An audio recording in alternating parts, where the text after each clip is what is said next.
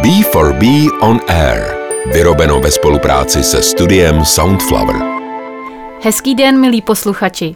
Vítám vás u pořadu B4B On Air. B4B On Air je způsob, jakým chceme podpořit malé a střední podnikatele v České republice. V tomto pořadu si budeme povídat s hosty, členy networkingových klubů Business for Breakfast a budeme si s nimi povídat na běžná témata, která ve světě podnikání žijeme každý z nás, o plánech, o vizích, o řešeních problémů a o osobních příbězích.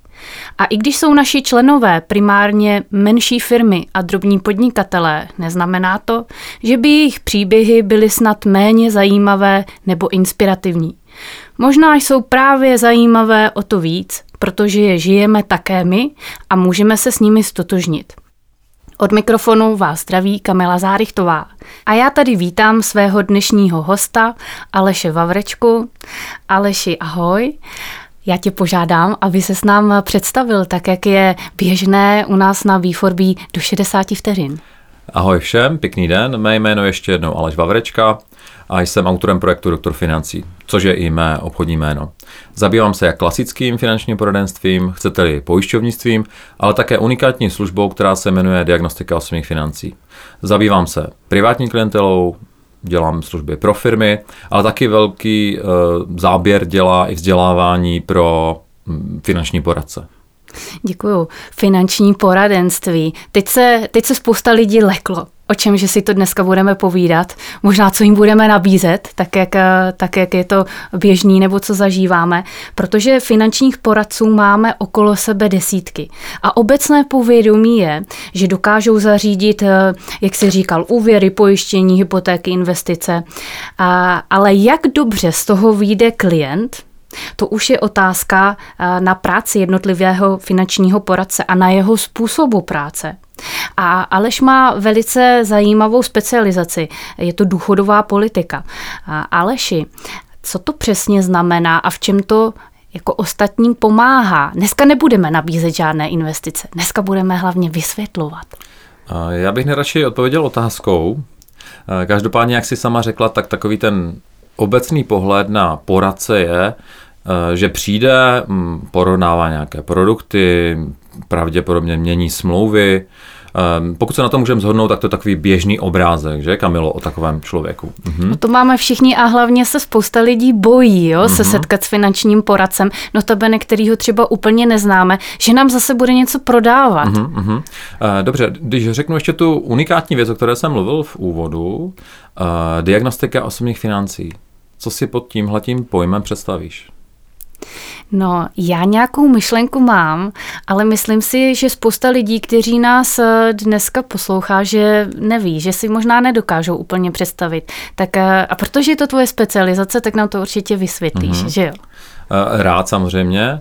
Tak hlavní rozdíl v těch dvou službách je ten, že se nejedná o klasickou práci se smlouvami. To asi známe, to je ten typický obrázek. Já bych to přirovnal a velice rád to přirovnám k příkladu, když člověk přijde na preventivní prohlídku k lékaři. Eh, obecně, co se tam děje? Vy tam přijdete, ten lékař vás změří, zváží a třeba za týden přijde s nějakým výsledkem těch testů a jsou dvě možnosti. Za A, vše v pořádku, jen tak dále, pravděpodobně se dožijete extrémně vysokého věku, pokračujte. A nebo má nějaké doporučení. To se může týkat různých věcí. Já nevím, třeba více se hýbejte, běhejte, kolem stravy možná, jeste více zeleniny. Já samozřejmě nejsem tenhle ten typ lékaře. A když to vrátím zpátky, tak já dělám něco podobného, jen je to na poli financí. Co vlastně dokážu, je, že vám dokážu říct, jak se o vás postará stát v případě třeba nenadálých fatálních životních situací, jako jsou třeba dlouhodobé nemoci, nebo co pro vás stát udělá, když dojde k nějakému fatálnímu následku, buď nějakého úrazu nebo nemoci. A samozřejmě se to týká i eh, období důchodu, to znamená, dokážu vám říct, jak se o vás stát postará v důchodu. No a jak to jako děláš, jako odkud to zjišťuješ? A co nám vlastně řekneš? Mm-hmm, výborně, eh, několik otázek za, za sebou. Řeknu to tak. Mm, ty informace jsou důležité nejen pro zaměstnance, ale také pro osoby samostatně výdělečně činné. Já pracuji s údaji vlastně postavených na informacích z České zprávy sociálního zabezpečení. A podle toho jak vlastně ten zaměstnanec nebo osobeč odvádí daně, sociální, zdravotní, tak eh, ze strany České zprávy sociálního zabezpečení vám dokážu zjistit soubor informací, jak se ten stát o vás postará v případě třeba nemoci nebo invalidního důchodu nebo důchodu samotného? Nebo starobního důchodu, že jo? Nebo třeba starobního důchodu. Takže mhm. dokážeš lidem aktuálně říct podle nastavených parametrů a podle toho, kolik odvádí sociální a zdravotní, eh, v kolika letech, eh, když odejdou do důchodu, tak kolik dostanou um, důchod. Je to tak? Tak, je to tak. Samozřejmě někdo může říct, že to extrémně daleko. Na druhé straně jsou tam i další informace, například eh, z České národní banky nebo z Českého statistického úřadu eh, o tom třeba, jak dlouho žijeme, jaký je výhled do budoucnosti. My známe, jaká je porodnost, takže ten výhled je docela realistický a celkově ta prognoza se velmi blíží nějaké reálné situaci a je dobré tyhle ty situace znát. Mm-hmm. Takže jak to probíhá ta diagnostika uh, tady tohohle tématu?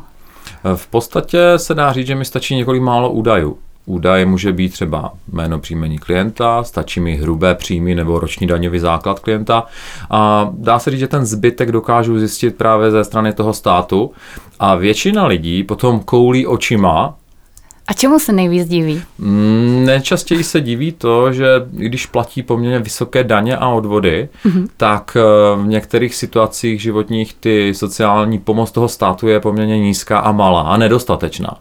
Takže potom samozřejmě, když člověk zná takový přehled a ví, jak na tom je, co může čekat do státu, tak daleko lépe dokáže posoudit a vlastně následně se zvýší jeho taková gramotnost nebo všeobecný přehled o tom, co by měl v tom svém životě finančně řešit, proč by to měl řešit a dokáže reagovat lépe. A samozřejmě pak si nenechá natlačit do toho finančního poradce s těmi produkty let tak prostě nějakou nedůležitou věc. Hmm, hmm. A tím se vlastně dostáváme možná k další otázce, kterou bych ti uh, ráda položila. Jak jsem zmínila, tak uh, známe desítky finančních poradců, ale uh, obecně panuje názor, a ty to tady i zmiňuješ, že s finančními poradci musí být člověk obezřetný a že spíše než klientovi pomáhají sami sobě prostřednictvím nabízených produktů, ze kterých dostanou velké provize. Takže upřednostňují nějaké produkty, které jsou výhodnější pro toho daného finančního poradce. A proč, proč tomu tak je a jako na co si teda dát pozor, nebo jaká je z toho cesta ven, hmm. abychom mohli mít rádi toho svého finančního poradce a nebáli se ho? Eh, bohužel to, co popisuješ, je velká pravda. Eh, takové přesné obecné povědomí o poradcích. A ta pověst poradců je daná, musím říct, bohužel jako historicky špatnými zkušenostmi ehm, s různými prostě špatnými eh, poradci. Jo? Buď možná z nevědomosti, někteří i záměrně, bohužel poškozují klienty a ta povědomí jsou bohužel taková. Co můžu říct u těch, kteří to vědí, dělají to záměrně, je, že morálku nemůžeš nikoho naučit tu prostě buď máte v sobě, nebo ji nemáte. Takže to je, proč se to děje, bohužel tak to je. A tak to je určitě, můžeme mluvit i o jakémkoliv jiném druhu podnikání, že jo, abychom zase to nevstáhli jenom prostě na tuhle profesi. Určitě. Mhm. Ta druhá otázka tvoje, jestli mm, se k ní můžu vrátit, ty jsi říkala, co s tím můžeme dělat, nebo na co si dávat pozor, můžu na to odpovědět, dobře. Uh, je to jednoduché v podstatě. Zejména si dobře vyberte svého poradce.